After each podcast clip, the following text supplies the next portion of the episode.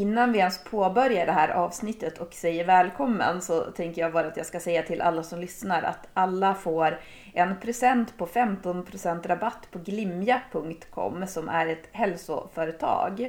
Där du kan beställa hälsoprodukter, skönhet, hushållsprodukter, allting i högsta kvalitet. På tal om det här nu, det vi kommer att prata om idag med Gustav, så är det mesta veganskt och ekologiskt. Så knappa in då koden Glädjepodden med stora bokstäver så får du 15% rabatt på glimja.com och du hittar det här också i poddbeskrivningen. Och med det sagt så kör vi lite intromusik här och sen så välkomnar vi den här veckans gäst och kör veganglädje nu i veckan.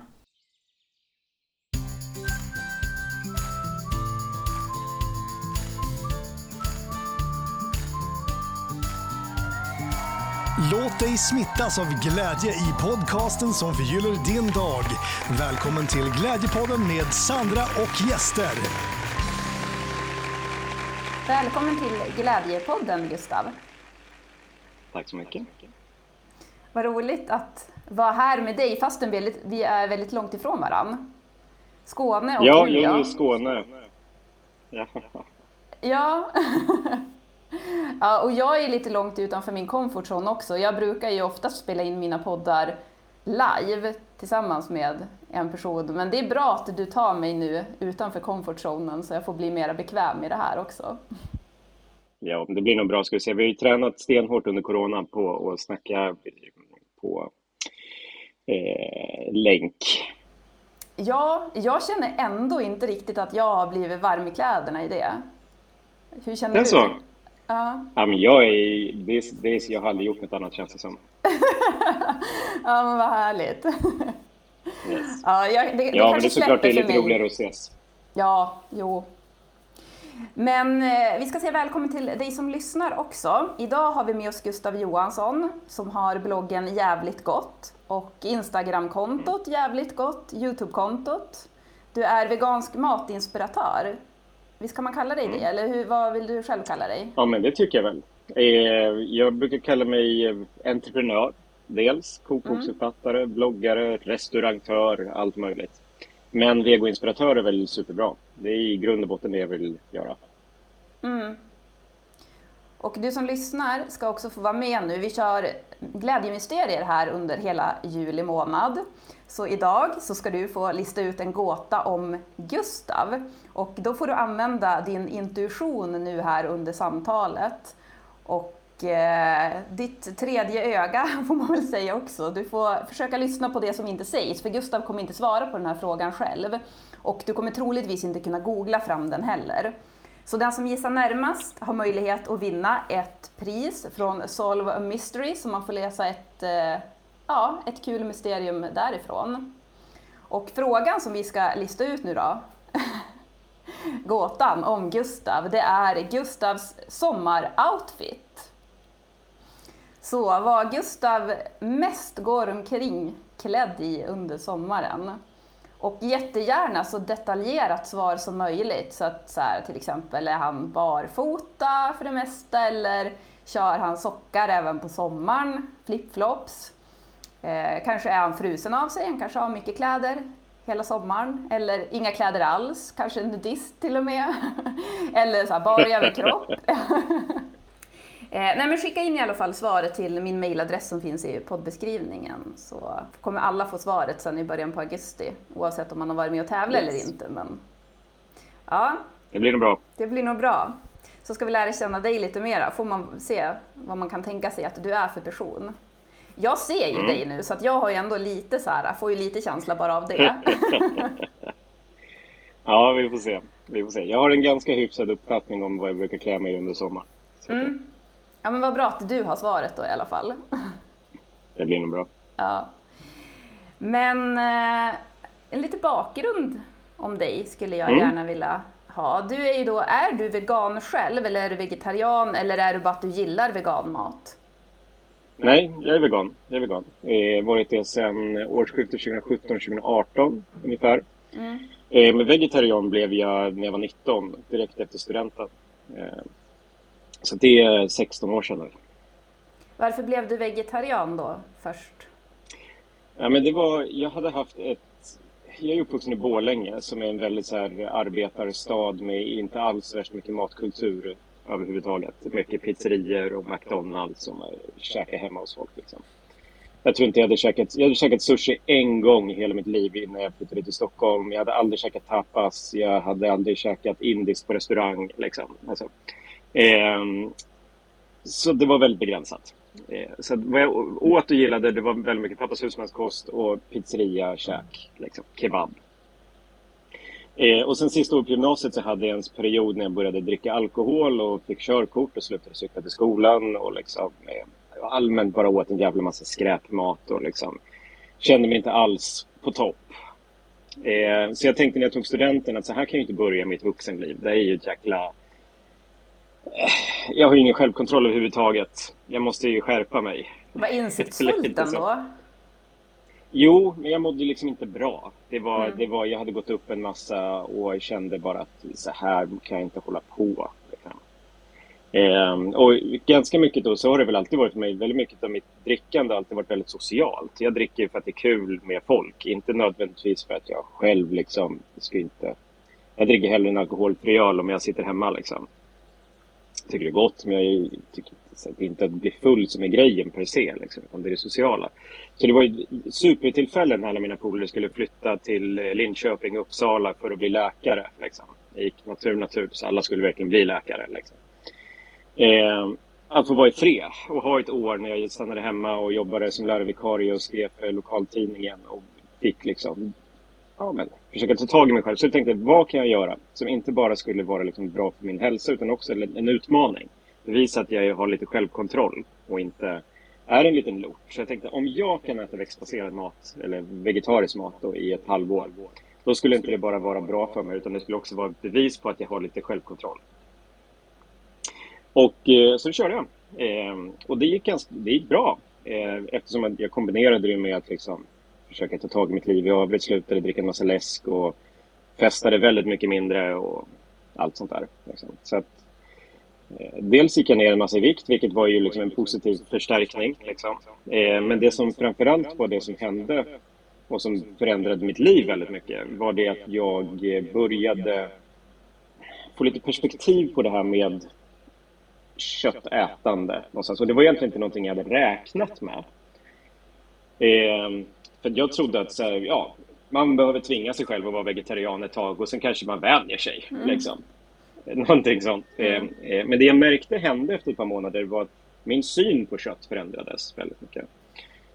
Eh, och det är någonting jag har tagit med mig väldigt mycket i mitt jobb sen i efterhand. Nu, det är ju väldigt mycket en efterkonstruktion, för det var inte så jag upplevde det eller så det var inte så jag tänkte på det där och då. Men det som jag sen i efterhand har liksom insett hände mig var att jag liksom ramlade ut ur köttnormen. Eh, för lite på tal om det här med liksom vad man har på sig. Liksom. Det finns ju normer runt omkring oss hela tiden som en stor del av normen är att vi tänker inte på den. Annars skulle det inte vara en norm och då skulle det inte vara en del av den. För hela poängen med en norm är att den är normal. Mm. Och det, det finns väldigt mycket liksom tillförda betydelse för ordet norm eh, som liksom i dagens debattklimat har blivit känsligt och vad det nu ska vara. Liksom. Men det i grund och botten betyder, det är saker som vi tillsammans har kommit överens om är normala och som är så normala så att vi tänker inte ens på det.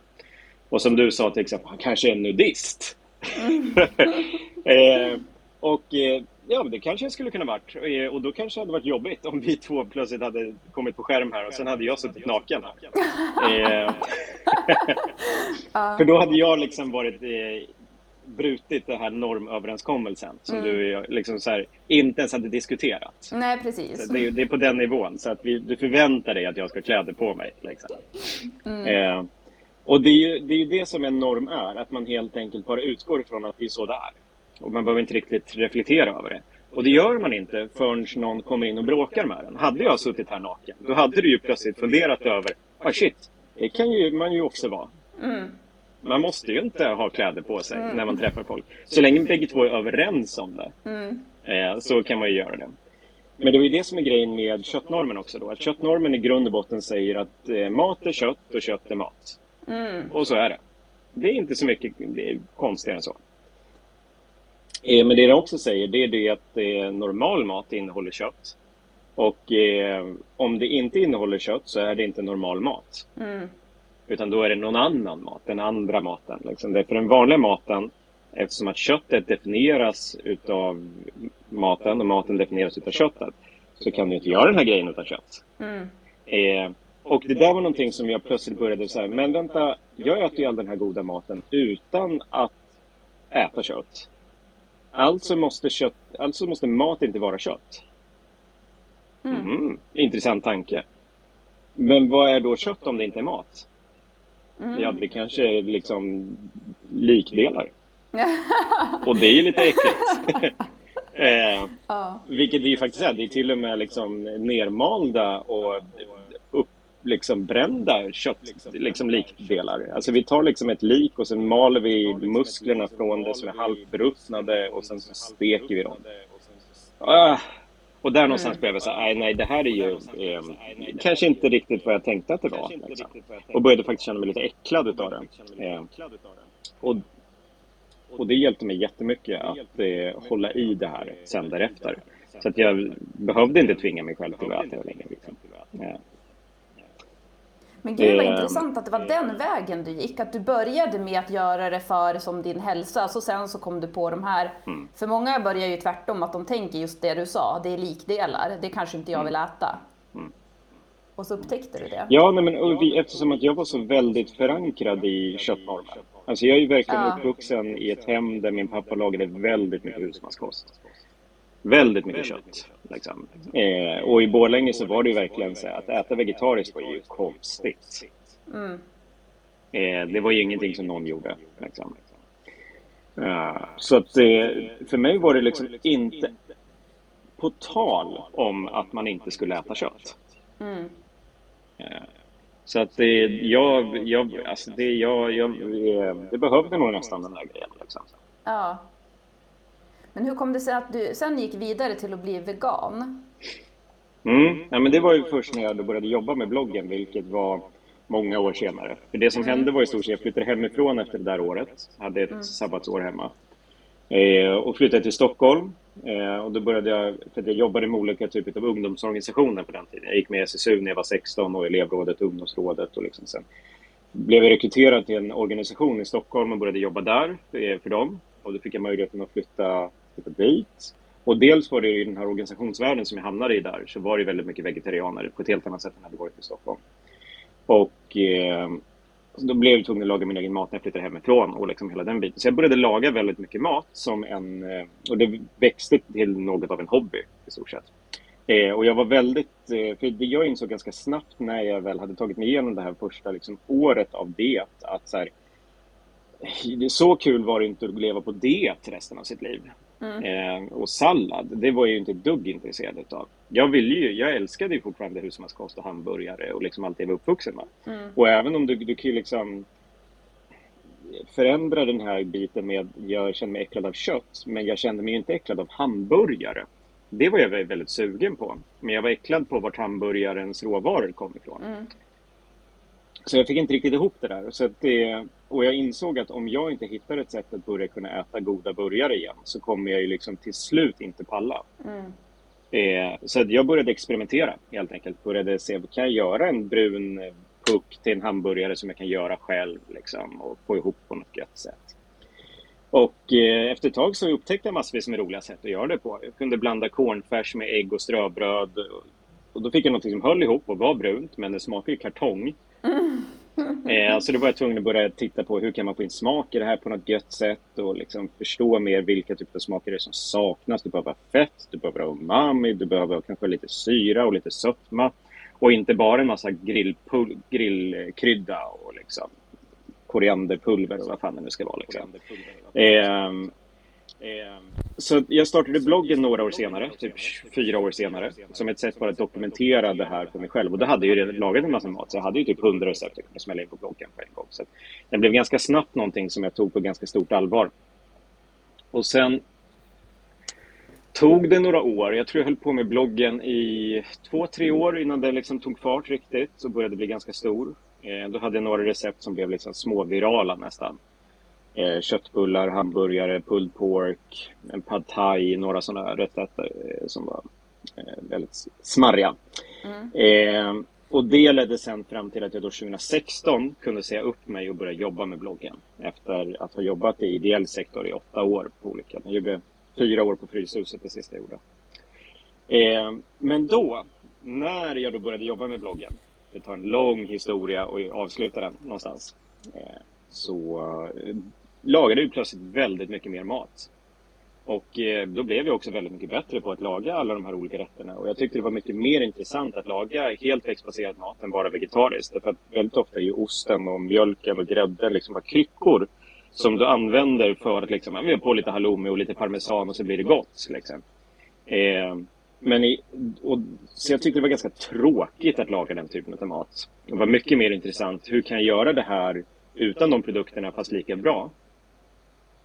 Men också det som hände var när jag började jobba med det att jag läste på väldigt mycket mer och, och liksom kom in mer i vegovärlden väldigt mycket mer och insåg att väldigt många av mina gamla argument varför jag hade varit vegetarian, till exempel att jag tycker synd om djuren, eh, jag tycker att det är dåligt för klimatet och jag hade alltid sagt så här, ja, men jag, jag äter inte själva djuret, men det som kommer från djuret, okej, okay, det känns liksom mindre farligt. Men jag insåg att kon skiter ju ärligt talat i vad som händer med kon när den är död. Mm. Eh, det den bryr sig om det är livet den lever och slakten den behöver mm. vara med om. Eh, och den processen är väldigt nära ihopkopplad med mjölkindustrin. För, för det mesta är det ju uttjänta mjölkkor som vi slaktar och sen äter. Eh, och det är den processen när du liksom tvångsinseminerar kon flera gånger i dess liv, liksom, slaktar den vid en fjärdedel av dess livspotential liksom, för att den helt enkelt är utsliten. Har dem i de här maskinrummen. Eh, alltså det, det är ju ovärdigt. Och jag kände att om det är det jag bryr mig om, att kon ska må bra, då kan jag ju inte hålla på och liksom dricka mjölk också. Mm. Eh, och likadant ur ett klimatperspektiv så är det ju att hålla djuret och dess biprodukter som, det är ju det som är dåligt. Mm. Eh, så att det går inte riktigt att separera mjölkindustrin från köttindustrin på det sättet. I alla fall inte på ett vad ska man säga, intellektuellt plan. På ett emotionellt, absolut, kanske. Eh, och ur ett praktiskt perspektiv är det såklart det mycket jobbigare att växtbaserat. Men det var ju där som jag då också blev bättre på att laga den typen av mat och tyckte det var väldigt intressant och kul. Så att i kombination med att jag kände att alla mina argument för att äta växtbaserat eller vegetariskt stämde för det här också. Liksom. Och eh, det var skönt. Det gjorde mig glad när jag lyckades bli vegan. För ja. då, då kändes det verkligen mer som att jag levde som jag lärde. Liksom. Eh, och jag äter så mycket god mat. Ja. Så det är det sista problemet. Men en fråga direkt där när det kommer till just det här med hur djuren behandlas. För det är väldigt mycket vi mm. människor inte vet om. Mm. Eh, och finns det något sätt att äta om vi säger att man då ät, ändå vill äta vegetariskt. Alltså, jag tänker just det här mm. när det kommer till att äta till exempel ost eller mjölkprodukter. Om man väljer ekologiskt, vet du hur det mm. funkar? Är det ändå... Ja, alltså ekologiskt i Sverige är ju fortfarande en...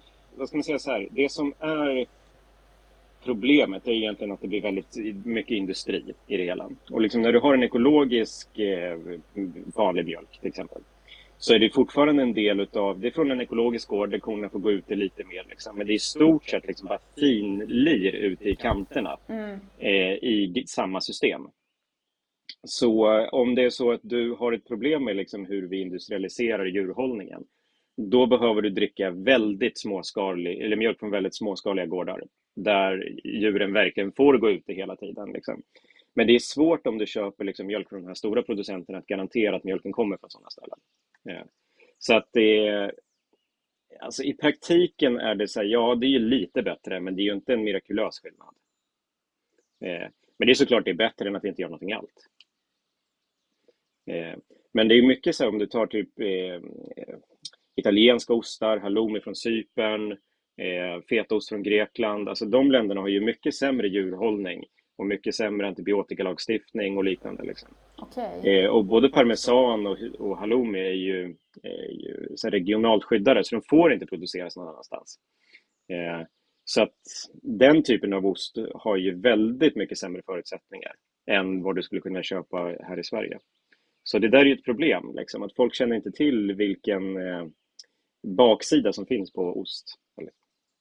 Och det är en sån här sak som många inte reflekterar över och det är ju faktiskt någonting som det kan vara värt att säga liksom att så här, kor mjölkar ju inte för att de är kor, kor mjölkar för att de är mammor. Ja. Liksom. Eh, och för att de ska kunna göra det så tvångsinseminerar man ju dem en gång per år. Tar deras kalv efter någon vecka, om de har tur, annars är det efter några timmar. Eh, och sen tar vi mjölken. Och sen så efter ett knappt år, när de börjar sina, så inseminerar man dem igen och så går de på nio månaders graviditet igen och så tar man kalven. Så att de hela tiden ska producera mjölk. Eh, och det pallar de ju bara några år. Eh, och sen slaktar man dem vid typ 5-6 ålder. Så att det är ju en ganska hård eh, process. Ja, jag är jätteglad att vi tar upp det här för att det är precis som du var inne på också, det här med att både mjölk och köttätande, att det är som en norm. Sen har det ju blivit med åren så har det blivit, nu började ju du, var det 16 år sedan du blev vegetarian eller vad var det? Ja exakt, det var 2006. Ja precis. Men så det är ju ett tag sedan och, och, det har ju förändrats mycket sedan dess. Men det är ju ändå fortfarande att det är mycket vi inte vet om. Så att jag tänker att bara att man tar upp en sån här sak ger ju mera glädje eftersom att även om det är jobbigt att höra så är det ju ändå som att ja, men då har man ju ett val i alla fall. Kanske behöver man inte bli vegan eller vegetarian men man, vet, man kan ju tänka då så här att ja, men hur mycket vill jag äta av det här? Och, Ja, och det som gör mig glad, om jag nu ska säga så, det är att det nu finns otroligt många alternativ som verkligen är bra. Ja. Alltså, tro mig när jag säger att mitt liv är inte dåligt. Det är inte tomt på matupplevelser. Jag ja. äter väldigt mycket god mat och jag äter i stort sett det jag vill. Mm. Eh, och det är ju någonting som är fantastiskt, att äntligen finns det möjligheter att göra någonting åt det här utan att det är så jobbigt. Du behöver inte gå igenom allt jag gjorde när jag 2016 när jag var 19 liksom, och äta tråkiga McBean-burgare på McDonalds. Eh, du kan ju ta några av mina recept och käka skitgod mat resten av ditt liv. Ja. Eh, det är så här, du måste inte sluta dricka mjölk. Du kan dricka mjölk gjord på havre istället. Eh, du behöver inte sluta äta krämiga gräddsåser. Du kan äta gräddsås gjord på havre eller på ärta istället. Och den är skitgod nu. Eh, så det är ju fantastiskt att det finns möjligheter att göra saker åt det här på ett sätt som inte fanns för 10-20 år sedan. Eh, och det tror jag också är så otroligt viktigt att tänka på det här, just med som köttnormen eh, sa, att så här, kött är mat och mat är kött. Och vanlig mat innehåller kött och den mat som inte innehåller kött den är någon annan konstig, annorlunda mat. Det är ju bara en idé. Det är inte sant. Och det här är superviktigt att komma ihåg. Eh, därför att om vi skiter i idén om att det skulle vara köttet som definierar maten och istället tänker att det är upplevelsen av maten som definierar kvaliteten på maten. Då kan ju vara så länge den här tallriken med köttbullar är jävligt god så spelar det väl ingen roll om de innehåller ärta eller om de innehåller gris. Liksom. Det är ju, eller kalv eller vad man nu har i sina köttbullar. Eh, det är ju hur goda köttbullarna är. Och kan vi då, vilket vi kan, det skulle jag vilja hävda, göra jävligt goda växtbaserade köttbullar med gräddsås och krämig potatismos och pressgurka och lingon. Då är ju det helt fantastiskt. För då slipper du för det första göra någonting annorlunda, vilket många tycker är svårt. För de tror, eftersom att köttnormen säger åt dig att växtbaserad mat är annorlunda och någonting annat och någonting konstigt. Och det enda sättet att äta vanlig mat på är att äta kött. Eh, men om vi då visar att nej, du kan äta hur mycket vanlig mat som helst. Precis vad du gillar. Gillar du indiskt, ät indiskt. Gillar du husmanskost, ät husmanskost. Eh, du måste bara öppna upp för idén om att det går och sen försöka. Och tro mig, det kommer vara godare än vad du tror. Och det är ju fantastiskt. Alltså, så du kan ju i praktiken rädda världen genom att äta goda hamburgare. Men det är jätte... Eh. Ja. Jag, jag, jag gillar det här jättemycket för att själv så har jag ätit, jag äter, jag är inte varken vegan eller vegetarian helt och hållet, men jag äter väldigt mycket sån mat. Och jag har gjort mm. det alltså nästan hela mitt vuxna liv. För jag har inte ens gillat kött så mycket. Det är som lax mm. jag gillar, om jag gillar någonting så, mm. som jag äter ibland. Men så för mig har det varit lätt. Men det finns ju också de som är som du då, som känner att så här, jag kommer inte klara det om inte jag får äta en hamburgare. Och då är det ju Nej. jättebra att det finns sådana som du som då visar att du kan visst äta en hamburgare. ja, men jag, jag, verkligen. Och jag tror att det har varit en del med varför det går bra för mig, för att jag är verkligen så förankrad i att jag gillar ju hamburgare och husmanskost. Det är ju det mm. jag gillar. Liksom. Jag har inte gått ner så värst mycket mer sen jag är vegan. Jag äter väldigt mycket god och glad mat. Eh, mm. Och det är så viktigt, men jag tycker också att vi måste, och det är som du säger, man måste inte gå all in och bli vegan eller vegetarian för att liksom kunna lösa majoriteten av de problem som finns. Om vi bara säger att vi ska äta väldigt mycket mindre, då har vi inte behov av de här stora djurindustrierna där vi förminskar djur till liksom råvaror och batterier. Eh, och vi kan fortfarande rädda klimatet och vi kan äta hälsosammare. Mm. Men vi måste äta väldigt mycket mindre. Mm. Men för att kunna äta väldigt mycket mindre måste man förstå att de flesta känner inte som du gör. Det vill säga, de älskar kött. Eh, och att förändra den inställningen, det kommer ta otroligt lång tid. Mm. Så då är det bättre att bara, gör inte det då. Ge folk bara bättre alternativ. Mm. Exakt. Men jag tror också att det är så att vi människor, vi är inte gjorda för att äta mjölkprodukter. Det har i alla fall jag hört. Och eh, mm. om man tänker rent utifrån sin egen hälsa. För jag hade i vintras så hade jag lite problem med hälsan och så var jag hos en kinesiolog. Och då sa hon mm. det till mig att, eh, för jag hade hjärndimma bland annat. Och då sa hon att jag mm. inte skulle äta några mjölkprodukter på grund av att det gjorde att då tog inte jag upp näringen som jag verkligen behövde för att hjärnan var svalt. Mm. Så det tycker jag var intressant. Eh, ja, men tittar man eh, på eh, Afrika, och Asien och Latinamerika så är ju folk inte laktostoleranta. Alltså de tål inte laktos. Och det är ju de facto för att det är ju grundinställningen. Här i Europa har vi ju lärt oss tåla laktos. Eh, laktos.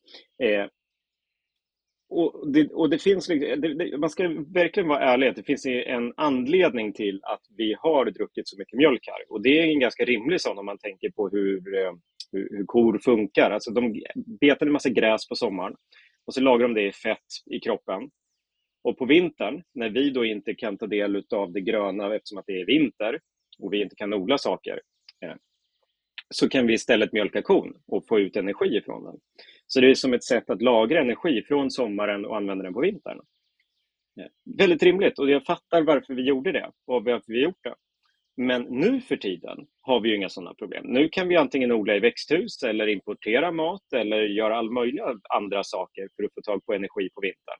Så den anledningen till att spara energi i en ko, den behöver vi ju inte. Och ärligt talat så är den ganska oeffektiv. Det är för att det krävs väldigt mycket gräs och väldigt mycket foder och vatten och energi för att producera den där mjölken. Man brukar säga att i stort sett så går det in 10 kalorier i en ko för varje kalori du får ut ur en ko. Eh, så det är väldigt resurslöseri. Och det kunde man göra när man var färre människor på färre yta som behövde, no eh, behövde tillgång till den här energin på vintern och inte hade några andra alternativ. Men nu för tiden, det är ju befängt att vi bygger så stor del av vårt livsmedelssystem på eh, att liksom föda upp djur, vilket är väldigt ineffektivt. Det kräver enormt mycket vatten och, och grödor och liksom markareal för att göra det. Och då kan vi istället ta allt det vattnet och eh, all foder, mark och bara odla människomat på istället. Så att det, nej, så att det, ja, nej, vi är ju inte gjorda för att dricka mjölk på det sättet, inte i vuxen ålder. Nej.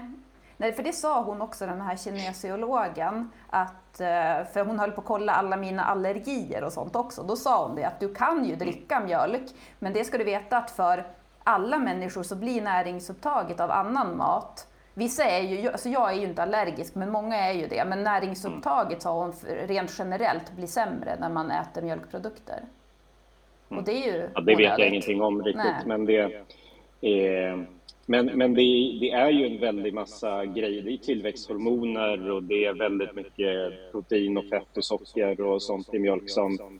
Alltså det är ju nära på en energidryck. Ja, okay. Den är gjord ja. för att liksom ta en, en, en kalv från liksom liten till stor. Eh, det säger sig självt att det som är i den, det är ju inte någonting som en vuxen människa som äter bra i övrigt behöver stoppa i sig. Eh, det, som nu till exempel, det finns ju skolmjölkstöd till skolor där skolor verkligen får pengar för att ge elever skolmjölk. Eh, och det fanns kanske en poäng för det på liksom 40-50-talet när vi hade dålig skolmat och eleverna behövde få i sig extra energi för att de pallade inte med dagen annars. Men nu för tiden är det knappast liksom att eleverna äter för, för lite mat ett stort problem. Mm. Vi har ju snarare ett problem med barnfetma och grejer och då behöver vi inte pumpa barnen fulla med en dryck som har lika mycket kalorier i sig som Coca-Cola. Liksom. Mm. kan ju dricka vatten till maten. Ja, Ja, ja, men det här, jag tycker, tror att det är många som blir peppade av att lyssna på det här. Att eh, en, om man inte vill bli vegan nu eller vegetarian, men att man ändå kanske blir peppad på att äta lite. Många brukar ju köra så här en vegetarisk dag i veckan. Det är ganska lite kan jag tycka. Jag tycker inte det känns som en utmaning, men det är ju jag. Men nu kanske det är de som mm. lyssnar som blir peppad på att köra en köttdag i veckan istället eller någonting. Ja. ja, men jag brukar säga att det, alltså det är ju ofta lättare än vad man tror. Just eftersom att många tror att de måste äta så otroligt annorlunda när de äter exposerat. Mm. Så tror jag att många begränsar sig själva i onödan. Men om du tar, om du bara tittar på vilka, vilka är de tio vanligaste rätterna att folk äter? Typ tacos, korvstroganoff, eh, köttfärssås, hamburgare, olika typer av pastarätter, kanske typ kyckling i ugn och någonting sånt. Eh, alla de är superenkla att veganisera. Eh, om du bara använder havregrädde istället för matlagningsgrädde, du använder formbar färs istället för blandfärs, du använder kanske färdiga vegoköttbullar istället för färdiga köttbullar. Liksom. Eh, så kan du göra tacos, köttfärssås, vegokorv och eh, havregrädde, så kan du göra korvstroganoffen. Och sen krydda med lite extra sojasås kanske, så blir det lite mer umami, minska på vanliga mängden salt. Och eh, så blir det, alltså, så du behöver inte göra så stora skillnader. Gör tacosen på, på vegofärs och kör liksom vegansk yoghurt istället för gräddfil. Mm. Eh, så svårt var det. Resten kan vara precis likadant som vanligt.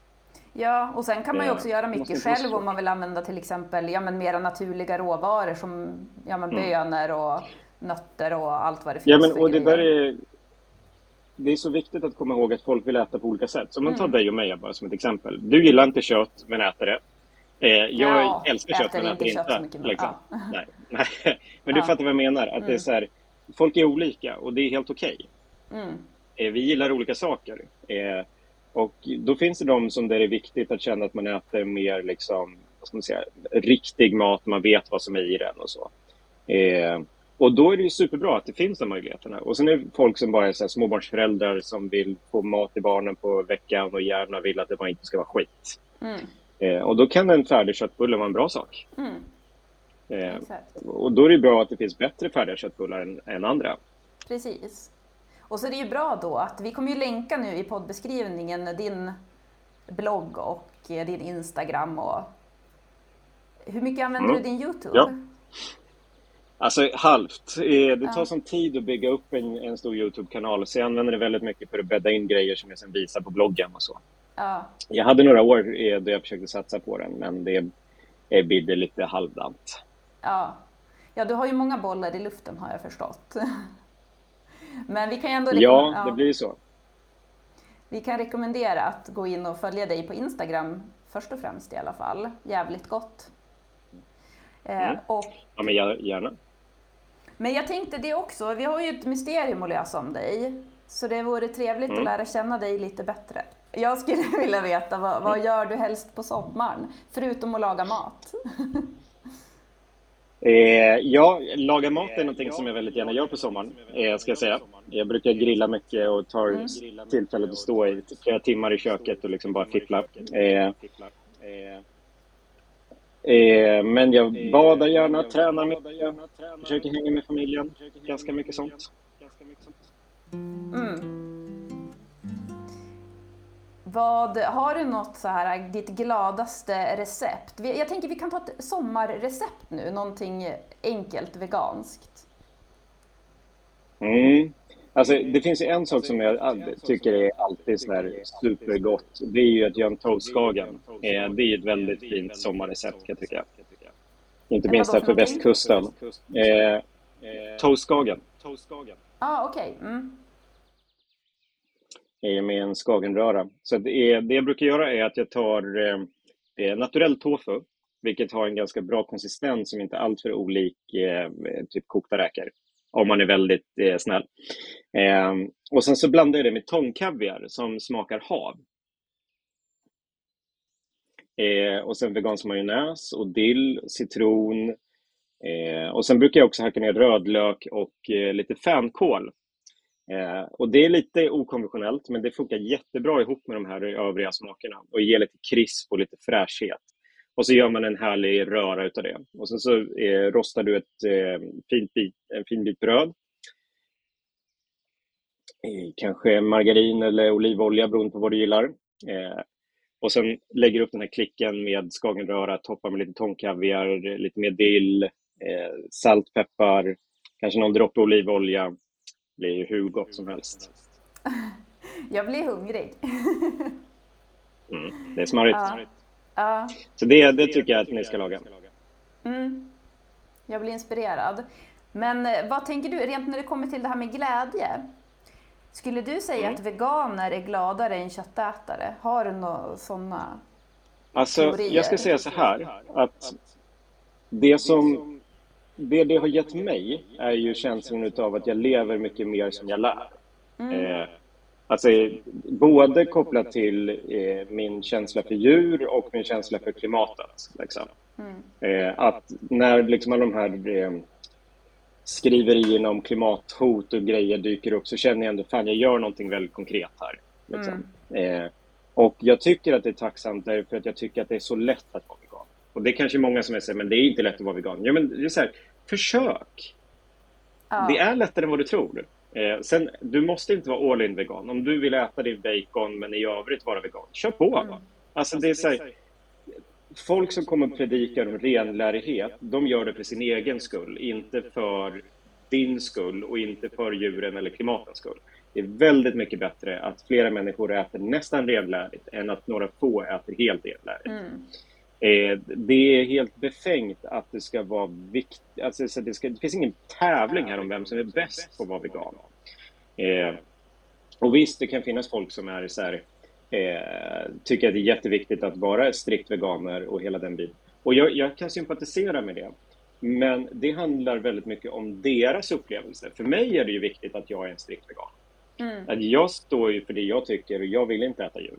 Eh, Men om du vill göra det så tycker jag att det är viktigare att du känner att du kan göra det du pallar med eh, och att du hittar den nivån där du kan göra det hållbart. För att alternativet att du bara skiter i det, det är ju mycket sämre. Eh, Så att om du vill äta bönor men vill fortsätta äta lax, kör på! Eh, För du äter ju fortfarande äta väldigt lite kött. Och det är ju superbra. Så att man hittar den nivån. Och det så jag ska säga så här, det gör ju mig lycklig att känna att jag lever mer som jag lär. Och eh, inte minst att jobba med det här är ju någonting som gör att jag känner mig väldigt... Det känns meningsfullt. Eh, och det gör ju mig till en, en lyckligare människa. Att känna att jag gör någonting som jag kan stå för med mitt liv. Liksom. Och det märks. Jag blir glad att höra din, ditt engagemang. Eller din glädje. Det känns som att du, Ja, du blir men glad alltså, att göra det det är tacksamt just med mat eftersom att det är så lätt att hitta de här alternativen. Eh, hade det varit så att jag var engagerad i för att få folk att sluta flyga, då kanske jag hade varit mer bitter. eh, men här är det så enkelt. Det finns så mycket saker man kan göra och jag vet att de är bra. Liksom. Eh, kom och käka på min restaurang, liksom, så, så får du se.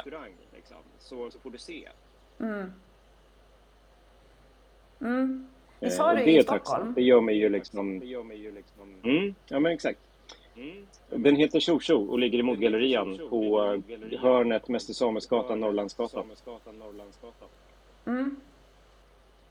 Jag ska kika förbi. Tycker du ska göra. Men eh, får ni alla göra glädjen... som lyssnar på det här. Ja, får ni alla göra som lyssnar på det ja, exakt.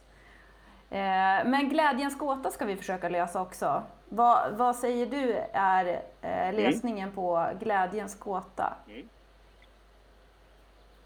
Oj, i största allmänhet menar du? Oj, i största allmänhet Ganska stor fråga, men Ja, det är en stor fråga. Alltså, jag tror...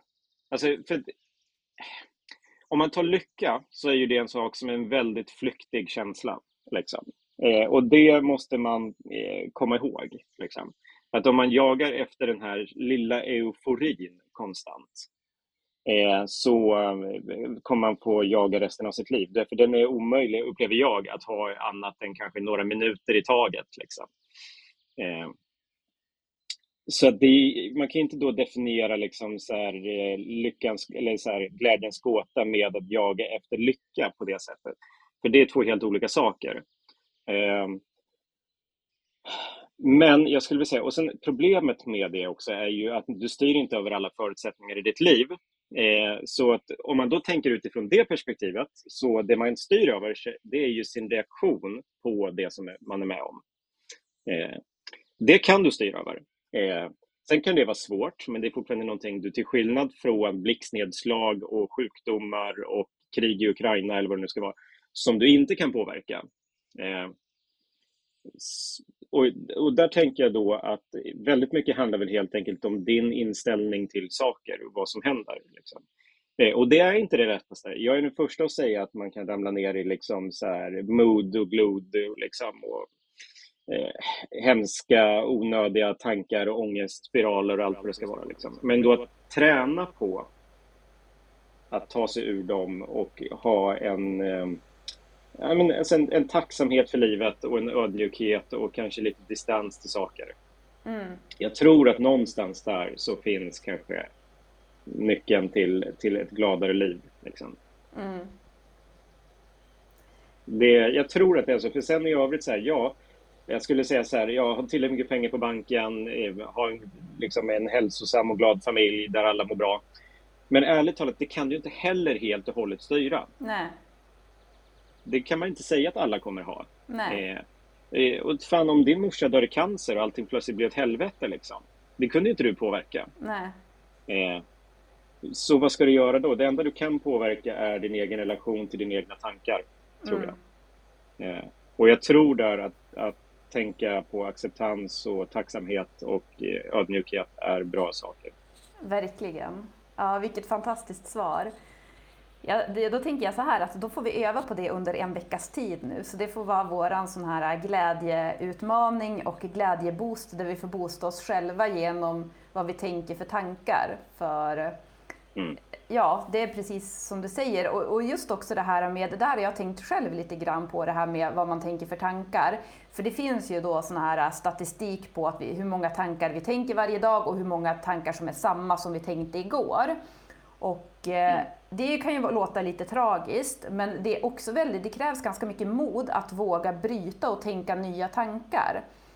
För att man då ska våga förvänta sig, för att vi är ganska vana vi människor tror jag att stålsätta oss för att om någonting skulle hända eller man lite sådär. Men jag tror att man kan ju bli lyckligare om man vågar gå lite utanför sina egna tankebanor.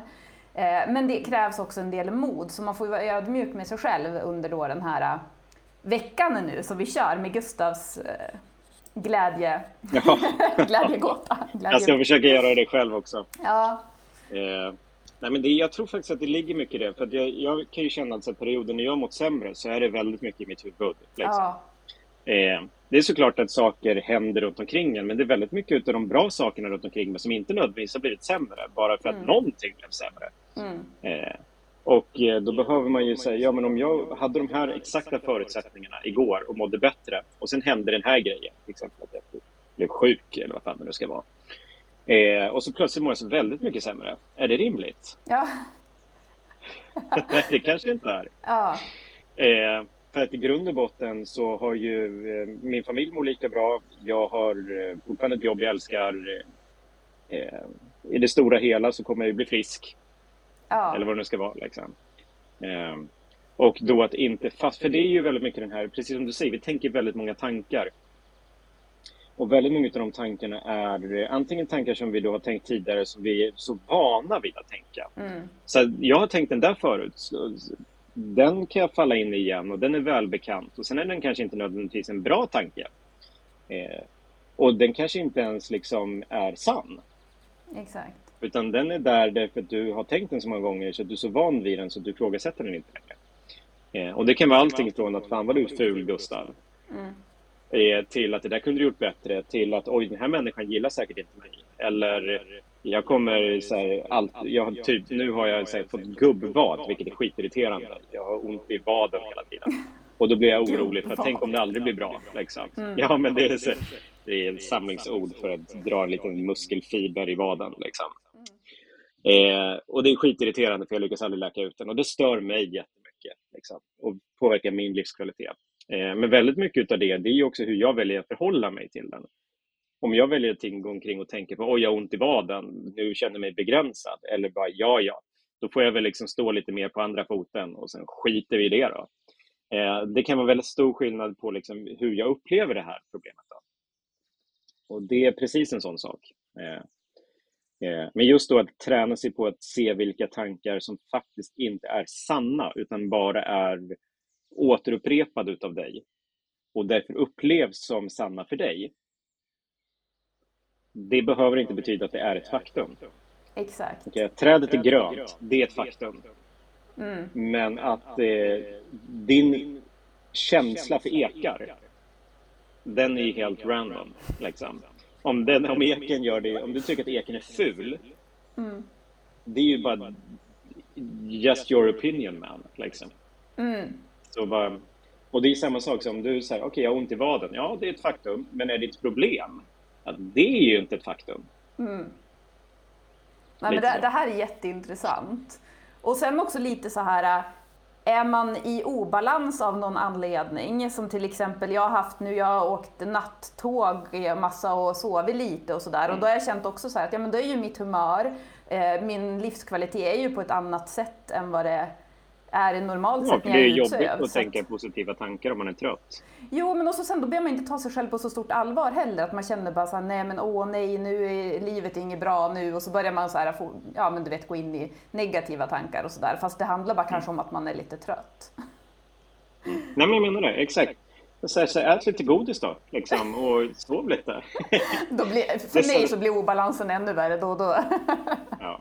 men, men, eller ja. vad du nu behöver. Liksom. Ja, precis. Eh, så att det, för det där tror jag också är en sån här grej som jag kan känna att jag själv ramlar in i ibland. Att så här, man vill vara så jävla duktig. Jag borde, liksom, eh, jag borde fasta för jag äter så jävla mycket mat. Och jag borde träna regelbundet för att jag ska liksom, må bra. Och jag borde göra det här och det där och det där.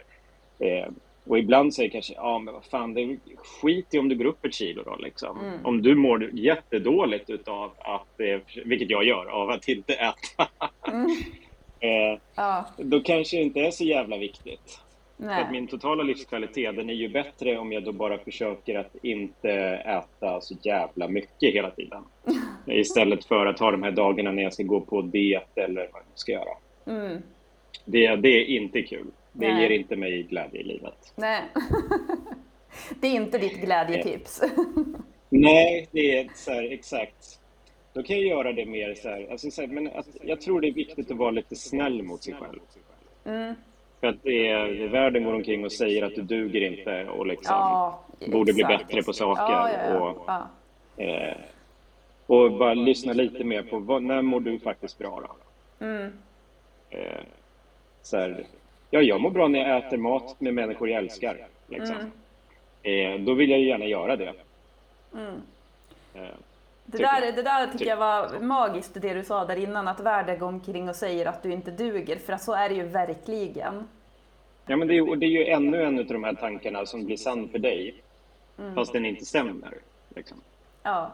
Eh, för då är det någon som har sagt att så här, ja, men du är inte smal nog, eller du är inte ambitiös nog, eller vad fan det nu ska vara. Du tjänar inte tillräckligt mycket pengar för din ålder, eller vad fan det nu ska vara. Mm. Eh, och det är ju bara någons jävla åsikt. Mm den behöver inte vara sann eller tillämpningsbar på dig. Eller, men nog fan går du omkring då och tycker att du är för tjock och inte tjänar till mycket pengar och liksom. Eh, för att du sett någon som sa det.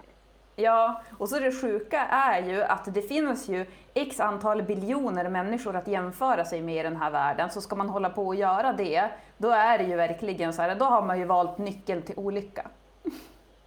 Ja, nej men verkligen om du tror att du måste vara Justin Bieber för att vara lycklig, då är du ju kört. Liksom. Ja, men jag tror inte, han kanske inte är så lycklig heller. Nej, för det, hur kul är det liksom, för det där kan jag säga som har varit lite så här småkänd ett tag liksom. Och det är en, en sak som är lite fucked up med det. Mm. Det är att folk har en bild av vem de tror att du är. Mm. Eh, och om du då går på den bilden, Ja. Och börjar tro att du borde vara den som folk tror att du är. Ja. Då är det, det är inte ett bra recept. Nej. För Nej, det är inte en verklig människa och den är inte rimlig. Liksom. Mm. Eh, folk tror att jag är något sorts jävla helgon som springer runt och gör saker, eller vad fan det nu ska vara.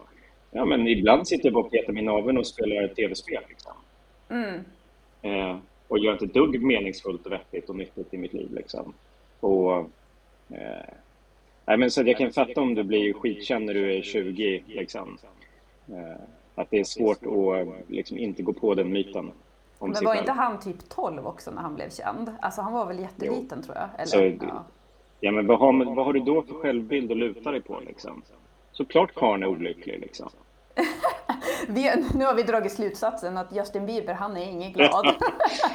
Nej, men fan vet jag. Men om man nu skulle vara det, liksom. Jag vet inte. Jag Ja. känner inte honom. nej, nej inte jag heller. Så att, ja, ja. Men det, man får alltid spekulera, det kan vara lite trevligt.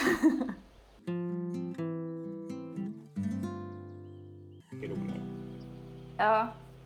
Du försvann pyttelite där i uppkopplingen, men då kan jag ju bara säga att det du sa var att eh, det är mycket lättare än man tror att äta växtbaserat. Som en så här eh, avslutning, fina avslutningsord. Ja. Ja, ja nej, men exakt. Alltså, jäkla mäckigt med uppkopplingen. Men... Ja, så kan det vara.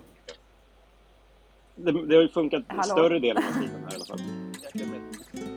Sammanfattningsvis då, undra, vad tror du själv Gustav? Tror du att eh, lyssnarna kan ha någon koll på dig och din klädsel? Eh, det vet kattingen. Jag har ju haft, har en så lite lustig grej med att så här, på nästan alla bilder och nästan alla sammanhang och videos jag är med så har jag samma eh, jeansskjorta. Det är lite mer så här Steve Jobs eh, grej. Ja. Eh, då slipper jag välja vad jag ska ha på mig. Mm. Eh, men den har jag inte på mig så mycket på sommaren för den är alldeles för varm. Så det kan Mm. väl vara en ledtråd. Nu har vi ganska mycket ledtrådar för att man kan ju säga så här då, det verkar inte som att du är nudist. Eh, du, du tycker att den där skjortan är för varm så det känns inte heller som att du har så här, eh, ja men att du klär dig jättevarmt på sommaren. Eh, och sen kan man ju ta lite så här, eh, ja men tänka lite på du, vad du, du har ju sagt lite vad du gillar att göra på sommaren och sådär så att ja, jag tror att det, det ska säkert gå bra. Mm. Ja, nej men då är det bara att mejla in dem till mig. Eh, och vet du vad, du ska också få ett mysterium sen om du vill lösa. Jag skickar det till dig på mejlen från Solva Mystery. Och sen alla som är med, eller alla som, ja oavsett om man är med och tävlar eller inte, ska få en liten present och det är 15% på glimja.com. Det får du också Gustav, där kan du köpa veganprodukter för de har hälsoprodukter Nice. och eh, jag tror att, undrar om de bara har veganska eller nästan bara i alla fall, mycket sånt. Så. Grymt. Ja, men du, har du någonting du vill tillägga innan vi säger tack och hej? Eh, ja, jag vet inte. Nej, men alltså, jag tror att, så här, som sagt, som jag sa där, eh, lite vagt, det är mycket lättare att växtbaserat än vad man tror. Eh, om man bara släpper sina för, fördomar om vad växtbaserad mat får vara och inte. Det kan vara precis vad du vill. Liksom. Eh, och du måste inte gå all in. Eh, om du vill ät, fortsätta äta lax så gör det, men gör liksom Byt ut de grejer som går här och var. Liksom. Det är mycket lättare och mycket godare än vad du tror. Eh, och sen var lite snäll mot dig själv. Det tror jag är en bra sak att försöka komma ihåg. Exakt. Det var väl jättebra avslutningstips. Det hoppas jag. Ja, och så sen som sagt, vi lägger dina kontaktuppgifter, hur man följer dig och alla dina recept och allting sånt i poddbeskrivningen så kan man gå in och inspireras. Yes. Ja. Ja men du, tusen tack Gustav. Hoppas du får en härlig sommar nu i din fina sommaroutfit i Skåne. Tack så mycket. Ha det bra du. Ha det bra.